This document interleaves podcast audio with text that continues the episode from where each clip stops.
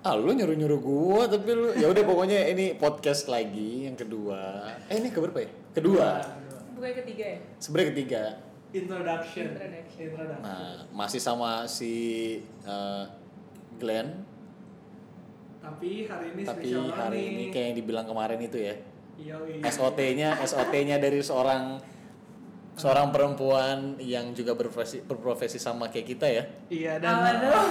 gila sering meliput uh, Gua- kejadian-kejadian di Indonesia ini ba- apa sehari-harinya so called jurnalis lah di salah satu uh, televisi swasta dan gue terharu banget tadi mau datang malam-malam gini habis Sebuah liputan. kehormatan ya. sebuah kehormatan untuk kita silakan perkenalkan Perkenalkan diri diri Anda.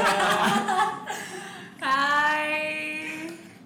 Gue Tata bekerja di salah satu media nyengir mulu seperti yang kedua gentleman ini bilang sebuah kehormatan bagi gue untuk diundang ke podcast rintisan yang ternama ini voiceover sound on thing lo sadar gak kita bertiga pertama kali ketemu di mana ada oh coba coba coba flashback sedikit. Flashback dikit. di kapal Darunajaya Iya, i- itu tepat satu tahun yang lalu iya CV, Itu tepat satu CVR searching ya waktu itu CPR ya searching cockpit voice recorder ya. iya gue liputan yang uh, KNKT oh yang oh konversi yang itu ya? konversi itu dan itu pusing banget sih live-nya asli cuman akhirnya ya udah gue live narsum aja sama yang konversnya gitu loh Tapi you killed it kan?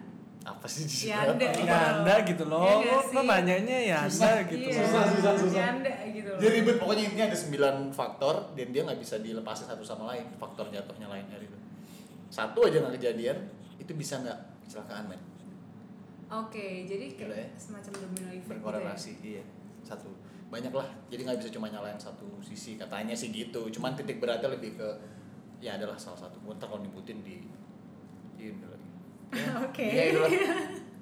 Lion Air. Intinya kita harapin semoga kejadian yang sama tidak, Tidak terulang, terulang lagi. kembali, amin. Ini jadi pelajaran dan juga keluarga yang ditinggalkan bisa dikuatkan. Iya. Amin. Dan semoga penyelesaiannya bisa tabur bunga kan hari ini kan tadi Oh ya, tabur Tahu bunga. dong. berhubungan. Oke. Oke, kita langsung aja ke topik yang akan kita bahas pada malam hari ini Adalah adalah masih soal menteriannya. ya silakan Kemarin kita sempat di podcast kedua itu ngebahas soal menteri tapi belum secara resmi diumumin kan. Hmm, kita baru eh, tipis-tipis masalah apa namanya menteri-menteri yang mana aja kan spoiler-spoilernya. spoiler ya. gitu. Kita terka-terka, ya Itu setelah tebak-tebak. kita ini bukan sih setelah pelantikan belum Sehari sebelum pelantikan. sehari sebelum pelantikan ya Yang udah ada beberapa yang dipanggilin itu ya. Iya, ke istana. dipanggil ke istana. Oke. Dan kemarin minggu lalu kan udah secara resmi nih diumumin sendiri sama presiden. Nah, sekarang gue mau nanya dulu ke Tata nih, Pak. Oke. Dari tiga Langsung ya. dari berapa? ya? 38 nama ya totalnya? Iya. Kalau menterinya sendiri menteri dan 34. eh, pejabat setingkat Tingkat menteri. menteri. Ha. Ada 38 kan. Ah, Iya. Nah, siapa yang menurut lu paling menarik perhatian lu dan bikin lu kaget ketika disebutkan oleh Jokowi di istana negara? ya, Eh, siapa ya? Jadi mungkin bukan bukan sosoknya ya, tapi eh, posnya iya posnya siapa dan diposin ke siapa. Tapi yang ada sih satu yang bikin gue agak eh, lo ada dia gitu. Itu adalah Yasona Lauli sih menurut gue. Ya sudah Oli. Iya. Enggak maksud gue bukan Out of the bukan box bukan ya? ah, bukan bukan bukan mengagetkan secara eh, loh dia nih gitu tapi, tapi lebih ke kok ada dia gitu loh. Jadi kan dia sempat mundur kan dari menteri terus nyalek Eh, beberapa lama setelah dilantik dia datang tuh kita juga waktu itu kan gue sempet ngeliput tuh waktu dia dipanggil terus Hmm. kayak teman-teman pers di situ juga kayak loh kok ada dia kok ada dia terus kayak DPR gimana DPR gimana gitu jadi kayak lebih ke eh berarti Iya. kenapa eh dia tuh kan mundur setelah dia jadi anggota DPR kan iya Mas setelah Mas, resmi. sehari sebelum Nah, pelantikan iya, DPR. iya, sehari Dia- nah sebelum. berarti posisi dia di DPR gimana tak kalau gitu iya Digantiin sama Hak- caleg hak lain setahu Iya. gue. prerogatifnya PDI gitu iya sih kan itu Iya, juga jadi kursi diganti PDI diganti nama lain jadinya. Nah, diganti nama lain Cuman jadinya pelin pelan dan labil aja menurut gue. Iya dan dan dia uh, apparently berada di pos yang sama seperti sebelumnya Oke. di Menkumham di mana di mana maksudnya uh, bisa dibilang banyak eh, uh, rapor merah kan terkait maksudnya penyelesaian penyelesaian kasusnya dan maksudnya apakah apakah kemudian nggak ada evaluasi atau kemudian nggak ada pertimbangannya tuh apa sih kayak gitu dan emang udah ada apa sih ada off the recordnya sih soal hal ini cuman kayak oh sebatas itu aja gitu menurut gue Jadi off the recordnya apa nih? Kita pengen tahu juga. Eh, off the recordnya gue boleh ngomong nggak ya boleh nggak ya Boleh lah, tapi nggak usah terlalu detail kali ya. Iya nih. Eh, jadi sebenarnya ini ada kaitannya sama ini sih ambisi suatu partai politik besar Oh. untuk menempatkan eh, kadernya di pos-pos yang eh, strategis. Kalau di Kementerian Hukum dan HAM ini kan sangat-sangat strategis dan legit ya. Bisa dibilang lo memegang kendali di beberapa isu-isu strategis gitu dan satu partai politik ini pengennya ya anak gue yang di situ gitu. Dan dan untuk menyelamatkan dan sebenarnya kan gini, ada ada ada kabar yang mengatakan bahwa sebenarnya presiden kita tidak terlalu cocok sama sosok eh, Yasona ini. Yasona Iya, ini. Nah, Pak Yasona, menteri loh. Iya, Pak Yasona. Bantu kan, pembantu presiden. Pembantu presiden. nice. Terus habis habis itu ternyata emang eh, kecium nih kalau emang si eh, Jokowi nggak suka sama sosok eh, Pak Yasona dan kemudian diselamatkan dulu lah dijadikan anggota DPR. Setelah kemudian ada lobby-lobby di belakang karena sebenarnya eh, yang gue denger sebenarnya bukan dia yang jadi aduh ini kayaknya terlalu banyak off the record ya nggak sih Ya nggak apa-apa lah ya Kan- justru. kan gitu kemarin Nggak, tapi over, over record ini adalah obrolan lu dengan jurnalis lagi. Iya betul Oh. dengan dengan jurnalis lain yang memang Teman-teman yang eh, di lapangan eh, ada lain. ada di lingkar yang dekat dengan eh, interaksinya dekat dengan mereka gitu kan dan sebenarnya ada nama lain yang memang diusulkan atau diajukan menjadi Menkumham tapi turns out si satu pihak Hmm. ini pengennya anak gue yang di sana dan ya udah setelah mulai lobby lobby lobby lobby akhirnya Oke.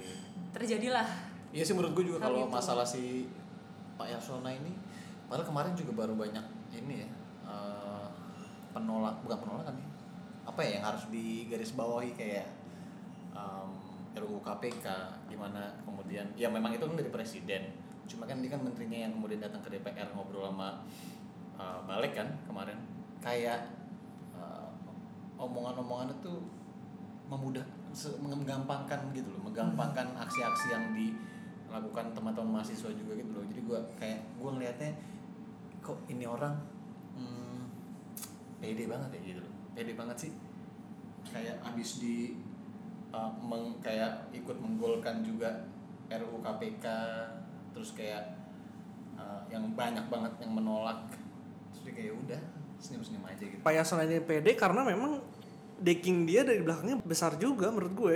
iya Jadi dia dengan ya dia cuma mengeksekusi, yang penting dia ada pelindungan di belakang menurut gue ya. dan dan eksekusinya nggak terlalu bagus menurut gue Iya maksudnya banyak penolakan lah iya banyak banyak banyak penolakan dan Kalau ngeliat terakhir kan ya KPK ya. Hmm, Baru KPK KPK. terus RKUHP juga dia ya. dan bagaimana dia tidak bisa mengkomunikasikan dengan baik Iya. eh, si RUU KPK ini kepada Jokowi sehingga Jokowi nggak eh, mau menandatangani kan Iya nggak sih kalau kalau gue sempat baca baca gitu Gak tanda tangan akhirnya ya? Hah? Gak tanda tangan ya? enggak kan Sudah selesai kan tanggalnya kan? iya sudah sudah sah akhirnya Udah saat tinggal Eh, tinggal, tinggal- tunggu tinggal. penomoran kan setahu gue. Hmm. Iya, iya, Gitu. iya, iya. Tapi memang tidak ada sosok lain selain Yasona di partai tersebut untuk bisa menggantikan seorang Yasona. Waduh, itu terlalu dapur sih. menurut siapa gue. iya Oh, Mahal sih. Nah, kalau itu kan Nah, maksudnya kita kalau udah kayak gitu kita ngomongnya soal lobby lobby politik yang kita nggak tahu kan sebenarnya Hmm. Tapi ta- tadi lu sempat bilang ada nama lain Hmm. kandidat lain yang disandingkan dengan Pak Yasona. Hmm. Artinya nama itu di luar partai politik. iya di luar partai politik itu masih dalam masih masih masih dalam jatah partai politik cuman tidak di partai politik tempat uh, Pak Yasona bernaung gitu Bukan Mahfud MD. bukan Justru gua, gua kira Mahfud yang jadi gue kira juga jadi seperti itu Menkumham. ternyata mem- dia Menko kan jadinya Jadi Menko. iya Ya, Ya Bukan- mungkin ya kita berharapnya dengan dengan adanya Pak Mahfud di Menko dan memayungi eh, dia dan beberapa kementerian lain ya kita berharap Gue awalnya juga ngira tuh Pak Mahfud kalau nggak di Menkumham ya, ya iyalah. Iya, sosok maksudnya- Mahfud MD kan. iya Tiba-tiba di Iya kemarin di podcast sebelumnya gue sempat bilang tuh bahwa yang lain tuh pasti mikirnya ada di Menkumham, Menak. Cuman sehari sebelum gue bikin podcast sama Glenn kemarin itu, wawancara dia kan, terus dia tuh mem- meng-highlight sebuah uh, eh, posisi yang menurut gue juga aneh gitu pokoknya dia bilang iya fokus di radikalisasi oke pak kalau di radikalisasi itu lebih di kementerian mana terus dia bilang "Eh, itu bisa kemana bisa ke agama dan lain-lain tapi di akhirnya dia bilang tapi itu lebih ke pertahanan dia bilang gitu kan Iya. pertahanan hmm gue bilang kayak kalau Menhan agak nggak mungkin gitu kan Tapi sekarang posisi dia di atas Menhan cuy. Eh, Menko-nya kan sebenarnya mem- membawahi Menhan, mengkoordinir sih Iya, gue nggak mengkoordinir tahu ya kalau secara atas bawahnya struktur. karena Kalau- kalau dia benar di atas Menhan secara menurut lu struktural dia akan dikasih APBN lebih padahal enggak Tapi yang yang gua tahu seorang Menko Polhukam itu memiliki hak veto untuk Hmm. bisa menganulir kebijakan-kebijakan yang dikeluarkan oleh Kementerian Pertahanan. kan? Oke. Makanya gue sempat juga kemarin baca-baca bahwa Menko Polhukam ini memiliki peran penting untuk bisa mengendalikan seorang Prabowo di dalam. Oke. Ya berarti mungkin ini ya dengan dengan hadirnya Prof Mahfud di eh, lingkup Menko ini kita bisa sedikit berharap dan optimis Ah. ya nggak sih? Karena dia tidak Karena terafiliasi partai politik juga iya, sih. dan dan dia seenggaknya dia memegang kontrol kan karena kan bahasanya aja menteri koordinator. Dia mengkoordinasi kan berarti kementerian-kementerian di bawahnya ya semoga dia tidak tersetir dengan pihak siapapun gitu dan boleh gak sih kita optimis sih gitu gue berusaha positive Boleh thinking dong. gitu loh dengan dengan segala kenyinyiran ini gitu gimana menurut lo Glenn? Tapi gue gue pikirnya ya, kemarin Jokowi lu sempet denger gak di sidang kabinet pertama dia? Hah? Yang dia ngomong bahwa ada ada satu menteri yang nggak pernah datang ke rapat Menko. Jadi gua gua rasa tergantung sosoknya gimana sosok itu apakah bisa mengayomi semua kementerian yang di bawahnya atau enggak gitu Hmm, loh. Dan Mahfud ini kan orang sipil berarti kan dia bukan Iya, dari TNI. betul Pertanyaannya apakah dia mampu mengendalikan seorang Prabowo? hmm ini yang menarik sih dari hari pelantikan itu Jokowi udah kasih pesan yang jelas bahwa kontrol itu ada di dia dan di Wapres tidak ada visi misi menteri terus dia bilang juga berani bahwa siapa yang tidak fokus kerjaannya itu kan dalam artian bahasa gestur politiknya kan bahwa lo nggak benar gue cabut gue copot istilahnya kan kayak gitu iya. kan ditambah juga dia naruh Pak Mahfud yang memang afiliasinya lebih dekat menurut gua ke dari satu untuk ngontrol orang-orang di bawahnya gitu loh. Cuman yang jadi perhatian kalau gue sendiri sih lebih ke penempatan jenderal-jenderal. Jenderal-jenderal di pos-pos tanda-tanda fasisme gak sih? Enggak, kalau gue gue tar ya, ntar kita masuk situ. Eh, di pos-pos yang em, i- ya pernah sih memang dipegang jenderal juga kayak jenderal eh, TNI Purnawirawan Fahrul Razi. Hmm, Nih, menteri agama Iya kan Menteri Agama yang s- pernah ya dulu ya, zaman Orba tapi kan. Zaman Orba. Apakah dia sempat di bukan bukan horor maksudnya seorang uh, militer, Ah, militer di Kementerian di- di- Agama oh. itu pernah di zaman Orba dulu bukan sesuatu yang baru ya bukan sih kalau memang mau mirip-miripin ke Orba ya bukan sesuatu yang baru gitu kan Mhm. cuman eh kan biasanya kan dip- diposin sama NU segala macam ya uh, wamennya ya wamennya dari NU ya Kalau Iya, nggak salah, akhirnya wamen- Ketiga kan? ha, ha, ha, dari NU. Orang- ya, ketiga kan? N- N- NU. Setelah setelah kemarin mungkin NU protes ya, kalian suka sih. kemarin kan hari santri hari hari, hari santri kan yang yang Iya. Terima ikut kasih. yang Gak ikut diundang ya? uh, enggak Gak diundang kan? Jadi yang ikut wamennya sama Pak Abah sama Abah ke sana. Kemana sih tuh? Jawa Timur, Jawa Timur kan? Dan ketika lu bilang Fahrul Razi jadi menak, justru itu salah satu yang bikin gua kaget juga loh. kayak gitu ya. Iya, lumayan Iya. sih. Nah, tapi menurut lu menurut lu kenapa maksudnya seorang TNI saat ini di kondisi saat ini di- diposkan di Kementerian Agama yang which is sangat jauh ya menurut gue. Mm-mm. Karena mungkin ini sih kan Jokowi adalah visi utamanya menangkal radikalisme kan. Menitik beratkan di sana. ya. Iya, menitik beratkan di sana gitu. Terus ya mungkin dengan ada seseorang di Kementerian Pertahanan, seseorang di Kementerian Agama yang memang basisnya militer, Menteri Dalam terus di Negeri Menteri juga. Dalam Negeri basisnya juga eh, dari Korps Bayangkara Iya gitu kan, dari Kalau- polisi gitu. Kalau gue ngeliatnya ya itu tadi yang kata Tata, memang salah satu fokusnya kan Pak Mahfud juga udah bilang kan, diberikan tugas untuk deradikalisasi. Ah, iya. uh, deradikalisasi di mana di bawahnya Kemenko Polhukam ini ada beberapa kementerian Iya. ada 6 atau 7 kementerian tapi di dalamnya di antara 6 atau 7 ini memang salah satunya adalah yang pertama Pak Tito Kemendagri yang kedua Panglima TNI ada di situ yang ketiga Menteri Agama sebenarnya nggak ada di situ Iya Menteri Agama bukan di, di bawah apa? nah tapi nggak Ya apa-apa mungkin- ya Maksud mungkin gua, dia- dia kalau bisa- melihat deradikalisasinya sendiri TNI jelas ya kan uh, tugasnya lah istilahnya Hmm. punya pasukan dan lain-lain Kementerian Dalam Negeri Pak Tito kenapa ditaruh karena menurut gue udah ada isu bahwa ada banyak yang radikal juga di PNS misalnya kan kayak gitu kan Tapi apakah lu pikir dengan adanya setahu gue ada 6 jenderal di kabinet saat ini? I- enam Dan kebanyakan ini kan soal lu bilang tadi radikalisme. Hmm. Berarti masalah radikal ini memang sudah separah itukah di, Iya. di negeri ini? It's getting real sih menurut gue karena Hmm. kalau kita kalau lo misalnya sering lo sering kan kayak konvers-konvers mabes yang terduga teroris apa segala macam kalau lihat itu tuh basisnya dari satu ormas iya sebenarnya sih iya Iya kan. Dan di situ uh, gue akhirnya um, maksudnya getting the idea of menempatkan Jenderal Fahrul Rozi ini ke Kementerian Agama karena itu adalah salah satu maksudnya salah satu beberapa kali terlihat jika salah satu terduga uh, beberapa terduga teroris itu ada di latar belakang ormas keagamaan. Hmm, tapi Farul sendiri emang ada background agamanya ya masih kuat gitu iya, maksudnya dia di, dia kan di, sering ceramah-ceramah di zaman gitu militer kan. juga nih Sama dia, dia bilang, apa tuh di dia bilang? zaman militer kalau Tempo sih bilang eh, apa suka eh, apa namanya mondok di pesantren ngajarin Iya. eh, ngajarin sholat dan lain-lain pembinaan rohani Islam sewaktu di ak- da- akademi militer dan nggak bisa dilepaskan juga ini kalau kata Tempo juga kan eh, pembantu Jokowi saat di Bravo 5 dan dia Oke. dan dia Tim meni- ses. meniti karirnya juga dari Hanura sangat dekat dengan Pak Luhut dan lain-lain eh iya Pak Luhut di sini Dan orang Aceh setahu gue.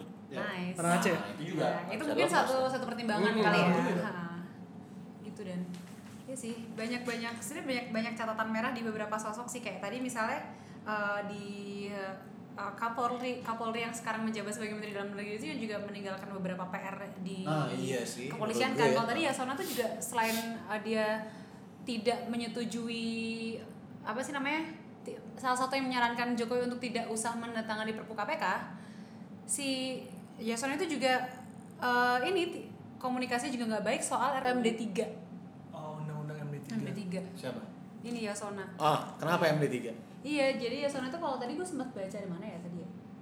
Oke nih, menurut ICW nih, Yasona memiliki sti- sti- sedikitnya lima masalah ketika menjadi Menkumham pada periode pertama Jokowi. Pertama, Yasona tidak melakukan komunikasi yang baik dengan Jokowi ketika revisi Undang-Undang MD3 pada awal tahun lalu. Ketika itu akhirnya Jokowi tak menaikkan Undang-Undang MD3 hasil revisi karena tak setuju dengan isi aturan tersebut. Jadi kan maksudnya ada ada miskom gitu loh. Bagaimana bagaimana Yasona ini berkomunikasi dengan Jokowi sehingga ada gue gak usah tangan ah kayak gitu. iya iya Terus kalau Tito ini kan dia PR-nya juga banyak ya, Bu? coba Tito Tito apa Ah, nih? Tito apa? Buku merah lagi. lucunya itu ya Buku Kemarin merah. sempat ada naik dulu ya Tiba-tiba lu ada video di, Ti- di Tirto itu yang Iya. lu nge-tag gue tuh, Nah. lu tuh siapa ya? Itu itu sebuah konspirasi gak sih, Cok? iya Iya, gue iya. gue ngetek itu cuy Nah, tapi ada banyak banget yang nge-tag ke gue tentang buku merah yang Oh. CCTV itu loh. Iya. Ju- Kalau gue kalau gue ngetek lo itu karena hakim yang menangani kasus buku merah Oh, Iya, iya, iya. itu hakim Nawawi Pomolango Pomolango Oh. Yang sekarang jadi, Jadi- ketua, wakil ketua KPK Komisioner KPK ya, wakil ketua KPK. Hmm, hmm. unik ya Iya. Itu lu bilang konspirasi kenapa? Gak tahu sih. Maksudnya buku merah ini kan juga di dalam buku merah tersebut ada pencatutan, nggak tahu pencatutan atau emang ada ya nama Ada tulisannya aja. dari Diduga lah ya. diduga lah ya. Kita kan belum baca isinya kan.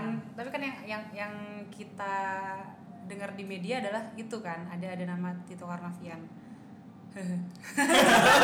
kok kok lu takut gitu lalu lalu lalu tak lalu lalu bukan diduga tak Oh. jadi gini eh, cuman kelihatan aja di Kelihatan lembar itu aja, ada tulisan ada. Ah. ada, tulisan eh, yang dari si sumber dana ini salah tapi satunya kan kita- banyak nih kayak akar-akar gitu Ya, kan Tapi kan kita pakai asas praduga tak bersalah, Bu. Iya lah pasti, pasti. Kita tidak bisa menyimpulkan apa-apa. Eh, ya, kita, gue bukan polisi sih, jadi gue nggak pakai asas praduga tak benar tak Anjay. bersalah.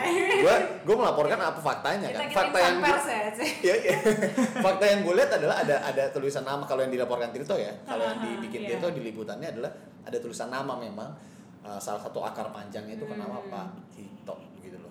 Maksud gue em, a- upaya apa ya ditaruh di Kementerian Dalam Negeri kalau memang ini ya ada gitu kan isunya melayang-layang di udara kita ini terus ya oke lah kita jangan di situ terus lah kasus yang lain kayak kasus novel Baswedan misalnya Iya, novel Baswedan. itu gimana Tapi sebenarnya kasus kasus novel Baswedan ini kita kalau kita melihat dari uh, perspektif yang bukan HAM ya. Kalau HAM itu jelas-jelas melanggar HAM ya. ya Tapi maksudnya kan lo pasti mendengar banyak politik di dalam KPK-nya. Iya, Enggak, benar, maksud gue benar, ini benar. kita fokusnya ke patitunya misalnya. Patitunya. Nah, kan yang bikin TG ya tim TGPF. gabungan pencari Cari apapun fakta. itu Iya, Ah. untuk mencari faktanya kan dibikin langsung sama Patito. iya waktu itu. di Jokowi memerintah- memerintahkan Mm-mm. Tito kan iya. Laporannya s- menurut gue ak- langkah sangat bijak Pak Jok ya RI1 lihat dulu dong perkembangannya gimana kan akhirnya tadi kan waktunya setelah dikasih tiga bulan udah selesai Iya.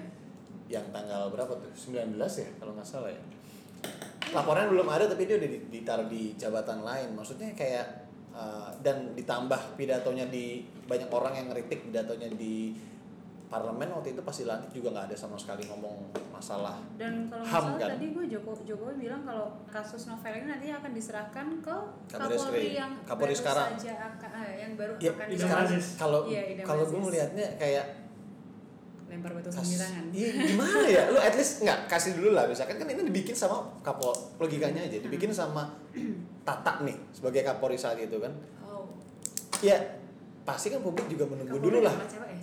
Nggak ke- menunggu lah gimana kemudian Tata ini memberikan dulu hasil tiga bulannya seperti Iya, apa yang laporannya yang seperti- kemarin udah dibikin gitu loh. berarti kemarin tuh gue kan nggak terlalu ngikutin nih Hmm. sorry ya tapi maksud gue nggak pernah dipublish ya emang maksudnya laporan dari hasil TGPF yang dinyatakan belum berhasil ini Tapi ada dari awal pun TGPF ini dibentuk, gue emang udah, pesimis. udah agak cringe ya So- udah karena memang sangat menurut gue sangat kecil kemungkinan dengan segala konspirasi di dalam itu, TGPF kan. ini sangat politis gitu menurut lo. iya dan dan ketika lu memerintahkan orang itu karena fiat Kapolri untuk bisa mengungkap itu sulit menurut gue iya sekarang pun di Ya, terus- offer ke Idam Aziz pun Tambah mus- mustahil nggak menurut lo?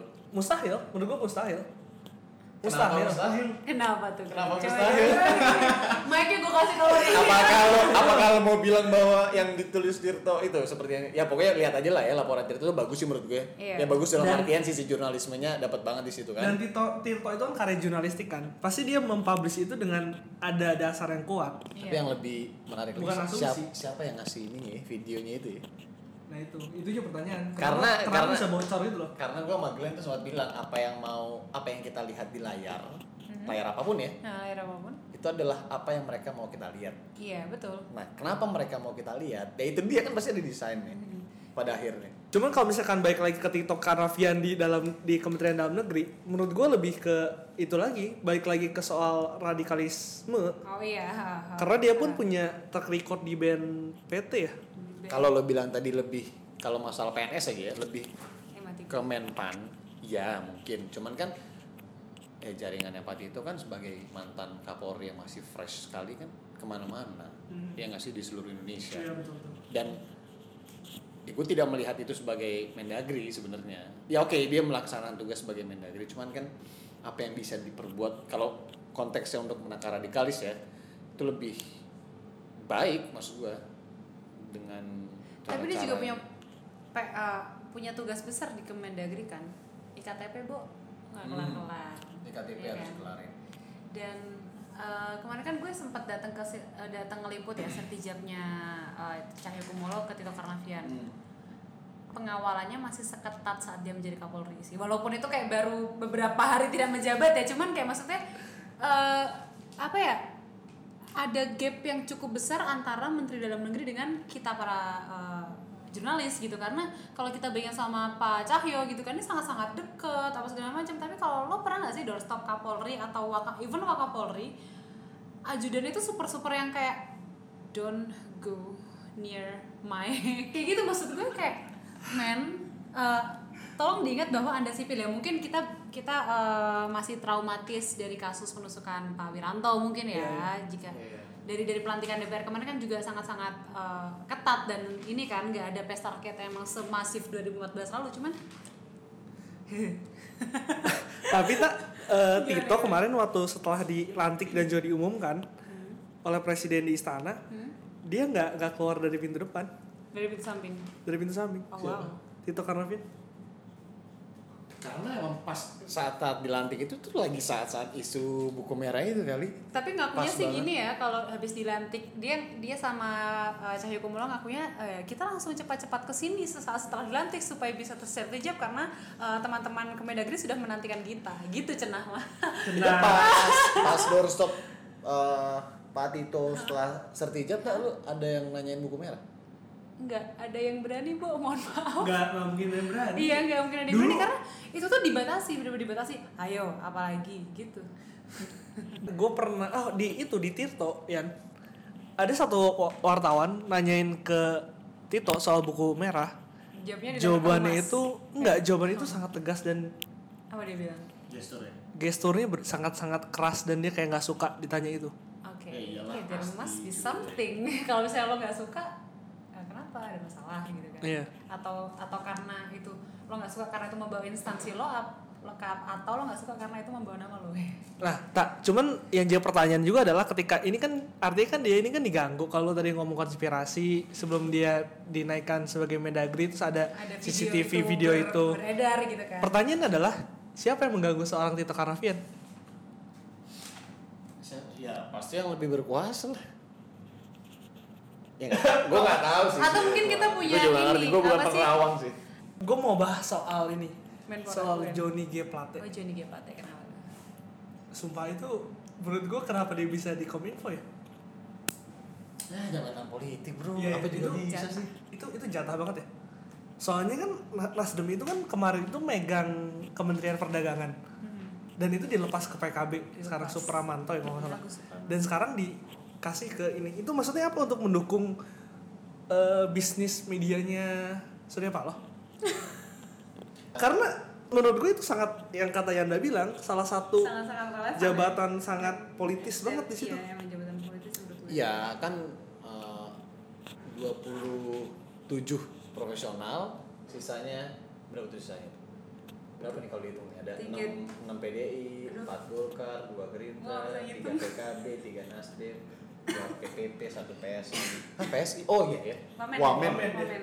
satu perindo ya kan kalau orang bilangnya eh, politik akomodir ya kan kalau ka- sa- salah satu pengamat ya karena memang ya balik lagi cuy ke podcast sebelumnya yang kayak gua kita pernah ngomongin ada agenda setting besar yang memang harus disetujui banyak seluruh pihak concern gue tetap dia itu sangat sangat terafiliasi dengan salah satu media besar Oh iya benar sih. perannya kan signifikan lu lu dia bisa dia bisa ngeblok internet lu Iya. maksudnya Dia bisa juga nambahin kuota lo. iya dan dan dia punya data juga Iya, Tau gak sih? dia Punya akses ke- akses data ke akses pengguna data juga aja. netizen netizen itu loh Oh, Ada, ada, ada. Tapi menurut gue yang lebih mengejutkan adalah Zainuddin Amali. ah gue udah menpora ya Iya. gue udah nggak Kalau- kalau lu nggak po nggak- nggak kalau- nggak kalau- optimis gue Kalau lo me- kalau lo merasa uh, Johnny G Plate ini tidak punya background untuk menjabat sebagai Menkominfo, Zainuddin Amali, coba deh maksudnya ya lebih lebih ini lagi lebih sih lebih absurd menurut gue.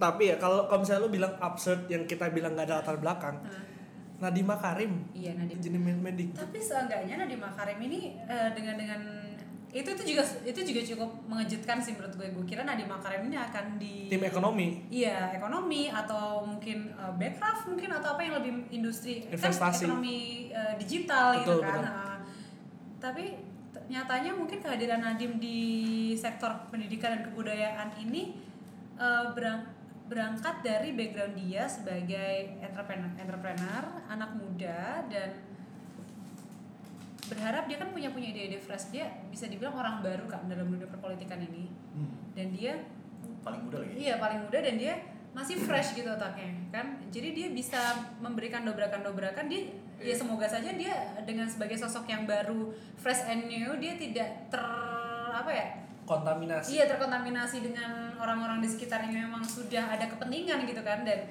diharapkan dia bisa ini sih memperbaiki sistem pendidikan di Indonesia yang cukup bobrok dengan inovasi-inovasi dia karena kan dia bilang kenapa Jokowi memilih saya karena dirasa saya ini eh, mengerti akan Masa masa, depan. depan. ketika dia dipasangkan sama Bambang Brojonegoro di Ristek menurut gue ini akan jadi good composition sih tapi yang harus dilihat lagi adalah bagaimana eh, jenjang pendidikan Nadiem Makarim 35 tahun sudah bisa mendirikan perusahaan sebesar Gojek ya kan Zalora Eh, ya sebelumnya kan hmm, Uh, kalau gue lebih ngeliatnya di Gojeknya ya, Oke, yang iya, benar-benar dia lebih- breakthrough, lebih deka, involved. dekakorn ya, Hmm, iya. dekakorn udah udah benar-benar membuka lapangan kerjaan nggak Iya, banyak super banget banyak. segala macam. walaupun banyak polemiknya cuman ya udahlah Oke, sosok seorang Nadim, ya kan?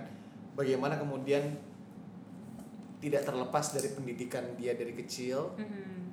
sampai akhirnya dia bisa uh, di Harvard, Hah? S1-nya sama sih kayak gue HI. S2-nya uh, di Harvard gitu kan lulusan Harvard. Menurut gue sosok pemuda ini Nadim ini juga bisa di uh, maksudnya pengalaman dia selama dia bersekolah apa yang didapatkan Hmm. bagaimana kemudian menjadi seorang dia ini kan bisa ditularkan nantinya ke misalkan kurikulum dunia pengajaran kenapa bisa ada orang sa- satu kayak Nadim ini ngerti kan mungkin juga keinginannya uh, kalau yang gue lihat adalah yang menelorkan lagi banyak-banyak orang seperti Nadim yang berpikirannya progresif uh, melek teknologi tapi juga masih tahu uh, apa namanya masih masih akarnya itu masih Indonesia banget Indonesia tapi memang walaupun begitu ya eh, Keren nggak nggak nggak terlepas juga lah ya eh, masalah politis kan tetap kita harus tetap skeptis maksudnya ya kayak barusan lu- yang lo bilangin tak ya terlepas apapun profesionalnya kan kalau ditelisik-telisik bawahnya lagi kan mungkin kita nggak ada yang tahu ya Iya. Eh, siapanya siapanya dia mungkin kenalan siapa ya namanya politik Iya, lah tapi ya kita privilege, ya. kalau mau lihat dari perspektif optimisnya yaitu uh, bisa kasih breakthrough dalam dalam dunia Dunia pendidikan, pendidikan. yang memang menjadi dasar lah untuk memperbaiki SDM dong ya Nah, dan nggak sih? supaya Dari tidak kecil nah, dengan hadirnya Nadim dia tidak melarang demonstrasi oleh mahasiswa ya bu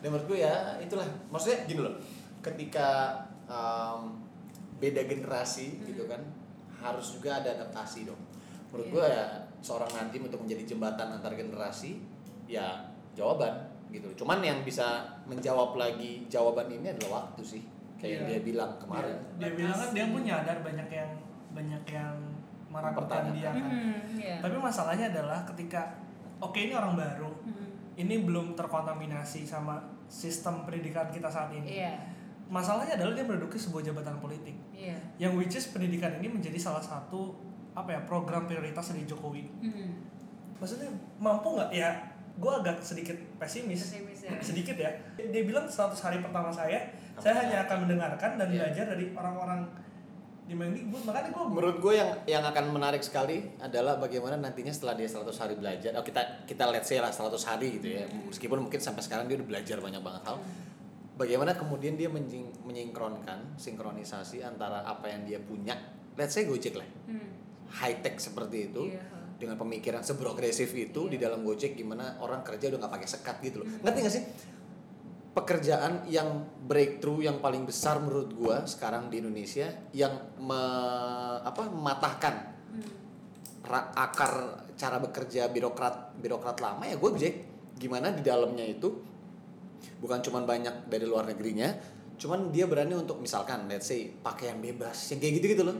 Yang jam kerjanya nggak uh, 8 to 5 yang kayak gitu-gitu kan gue nggak pernah lihat itu sebelumnya gitu loh selama sebelum Gojek ini ada ya selama gue lahir ya yang ada kan yang kayak perusahaan-perusahaan atau mungkin ya yang beda lah menurut gue ini adalah sesuatu yang sangat fresh kayak ibaratnya kayak Google kita dulu cuma ngeliat itu di Google sekarang ada di Indonesia nah lo bayangin bagaimana apa yang udah saklek di pendidikan kita misalkan pendidikan satu arah guru mengajarkan murid gitu loh sedangkan di Amerika SD aja mereka udah disuruh buat presentasi ya Iya, kan baru brainstorm Nah, yang gitu kayak ya. gitu-gitu menurut gue dia bisa mendobrak ya harapannya ya, bisa mendobrak di yang kayak gitu-gitu loh. menurut gue dengan eh, mungkin gini ya problem solvingnya dia eh, dia tuh menge- mengimplementasikan apa yang dia punya apa yang sudah dilakukan di Gojek di Zalora dan segala pengalaman dia di Harvard atau segala macam dengan eh, iya mengcombine metodenya gitu loh jadi kayak dia dia menyelesaikan masalah pendidikan dan kebudayaan eh, dan perguruan tinggi di Indonesia dengan cara yang dia pakai di Gojek yang dia pakai iya de- Ya, dengan de- de- dengan exactly. metode itu Asik, exactly ya kan. Kalau bahasa Spanyol exactamente. Enggak, enggak. Oke. Maksud gue, fine maksud gue benar. tapi menarik banget sih iya men- dengan menggunakan pendekatan-pendekatan yang Iya, dia lakukan kalau- di Gojek gitu kan kalau itu dia lakukan itu sangat menarik menurut gue iya d- maksudnya ini ini uh, f- new kan buat ini hal Iya, baru betul. kan buat kita Dan, dan dia punya kunci emasnya kan untuk melakukan otak-atik itu gitu loh. Iya. dan dia ini belum menurut gue dia tuh pola pikirnya nggak konservatif seperti Menteri Pendidikan dan Kebudayaan sebelum-sebelumnya ya karena beda zaman juga kan Iya, beda itu zaman. dia Itu maksud dia gue otak-otak. gue pernah wawancara orang-orang yang mm, di bidang media tau lah ya bidang media kan luas segala macem butuh kerja cepat pada akhirnya dia merasa bentrok sendiri Iya. dengan atasan-atasan bukan cuma atasan ya dengan sistem birokrasi di kementerian itu sendiri gitu loh yang menjadikan kinerjanya terhambat waktu itu gue oh waktu itu gue bicara orang wawancara orang Kemendikbud masalah perfilman dan lain-lain gitu gitulah dan maksud gue ya kalau dia bisa uh, menyelesaikan tugas ini dengan baik ya bukan cuma memotong birokrasi maksud gue melahirkan breakthrough breakthrough bukan menutup kemungkinan juga ya dia bisa jadi uh, calon yang baik di depan Iya. next leader ya Iya, kita Cuman ini se- sesuai dengan apa ya pidato dari Jokowi juga gak sih? Dia kan Yang sempat mana ngomong tuh? kalau dia mau Iya, Hah? memang mau mendobrak kebiasaan. Iya. Terus dia mau mereformasi eh, birokrasi. Kalau kata Okarin shift the culture gak sih? Iya sih, bener sih. keren sih Alkari Ya, ada satu nama yang bikin gua cukup menarik. Siapa tuh? ST Burhanuddin. kenapa Jadi kan waktu awal diumumin banyak yang nggak tahu siapa ini ST Burhanuddin kan. Iya. Taunya dia adik dari TB Hasanuddin, Iya. politisi PDIP.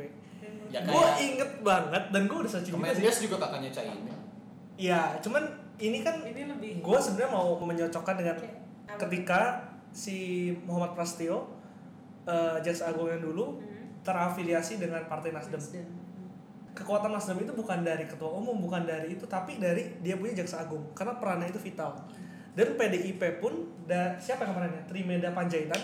Bang Tri dia pernah ngomong di salah satu media tahun 2017 atau 2018 dia ngomong PDI itu merasa dikerjain sama si Muhammad Prasetyo ini sebagai jaksa agung karena banyak banget kader-kader dia di daerah yang tersangkut kasus dan akhirnya membuat kader itu berpindah ke Nasdem. Hinca sendiri yang ngomong ke media bahwa Demokrat menduga bahwa perpindahan dari kepala daerah itu ke Nasdem karena dia ingin melindungi kasus dia di yang sedang ditangani oleh jaksa agung. Ya walaupun ya si Burhanuddin ini membantah kalau dia terafiliasi dengan PDIP gitu loh. Cuma menurut lo apakah akan ada konflik kepentingan yang sama? Hah, konflik kepentingan itu kan selalu ada sih menurut gue di politik ya konflik kepentingan terus juga em, nggak cuma konflik kepentingan sih bahkan lucu aja kalau ngelihat pas kampanye gitu ya kita ngeliput pas kampanye sama sekarang yang ditampilin di TV sekarang malah eh, ya itu Nasdem versusnya PDI kayak gitu gitu loh kemarin gue ngeliatnya Sebabnya itu karena mereka lagi rebutan kursi jaksa agung. iya bisa jadi Artinya apakah sangat vital gitu loh peran jaksa agung ini? Tentu saja. Iya. Tentu saja. Menurut gue sih. Ya kalau tadi dengan pemaparan yang lo bilang, dengan dengan eh, dugaan-dugaan kalau eh, jaksa agung ini mem- memerankan peran vital di daerah-daerah untuk men- melindungi kasus dari para kepala daerah. Ya menurut gue ya, ya iya dong. Ya nggak sih? sebenarnya masalah ham juga di jaksa eh jaksa agung ya jaksa kan Ham, wah. karena yang Ber- tau gak sih dari komnas ham Hah? itu mentoknya pasti di kejaksaan karena yang punya fungsi untuk kemudian penyelidikannya itu ada di kejaksaan jadi ya nggak tau lah ya vital juga sih mungkin ya dari sisi itu ya Mhm. karena di komnas ham itu cuman sebatas penyelidikan kalau nggak salah ya jadi udah penyelidikan selesai nih dikasih nih eh, hasilnya ke kejaksaan jaksa agung ya nanti baru dilanjutin lagi kalau nggak salah sama kejaksaan kalau nggak ya nggak nggak akan selesai masalah sama selalu dan lain-lain gitu loh Tapi nah kalau vitalnya menurut Tata apa ya ya itu tadi yang gue bilang yang kayak selain gue bilang kasus-kasus itu ya itu menurut gue udah cukup vital untuk menandakan betapa berkuasanya lo gak sih Ya artinya apa ya? gimana lo- lo bisa Mengganggu in- independensi lu sebagai iya. jaksa agung. Iya. ya walaupun si ST Burhanuddin ini di, memang dari lingkup kejaksaan Iya. tapi kan TB Iya, Hasanuddin TB itu kan Hasanuddin. sempat ini pilgub Jabar kan dia dari PDI. jadi Iya, dia dia PDIP dia PDIP yang Ya, masih kalau gue sih yang masih eh, makin makin kelihatan lah ya maksudnya kalau bener ya maksud gue makin banyak keseluruhannya makin kalau orang bilang jadi tanpa oposisi dan lain-lain lah. Ya tapi sebenarnya kalau soal jaksa agung ini ya kita nggak bisa susun juga sih karena kan ini kan asumsi kita dan apa yang sudah terjadi selama lima tahun ketika Muhammad Prasetyo ini mimpin. Hmm. Ya semoga aja walaupun dia ini benar profesional dan benar-benar independen dalam menangani kasus di kejaksaan. ya kalau gue sih biarkan waktu yang berjawab menjawab berarti kalau ngomongin ke depan nih kira-kira ada apa nih kalau melihat gue optimis di BUMN dengan adanya Erick Thohir Oh. Tapi Erick Thohir itu kemarin sempat ditolak loh. sama netizen netizen itu Kenapa ditolak nih? di Twitter kan sempet trending itu loh Kenapa tuh? Gimana sih? Oh, yang BUMN not for Eric ya kalau nggak salah hashtagnya itu kenapa sih? Gue gak ngerti. gue pun nggak nggak ngikutin cuman karena mungkin karena dia ini kali karena dia pengusaha jadi akhirnya ya itu kon- konflik kepentingan lagi Iya sih, mungkin ya BUMN kan ya we all know lah ya betapa basah banget cuy basah dan betapa kebal hukumnya Iya. Menteri BUMN sebelum ini kan. Iya. Itu sangat sangat kebal hukum kan, maksudnya dia untouchable menurut gue. Itu dengan berbagai uh, BUMN BUMN bermasalah, kok pentolannya Nah itu ongkang-ongkang kaki di aja belakang gitu. di belakangnya siapa? Wow. Iya sih, yang gue tanya adalah siapa di siapa di belakang Rini, backingannya siapa? gitu. Iya siapa di belakang ini?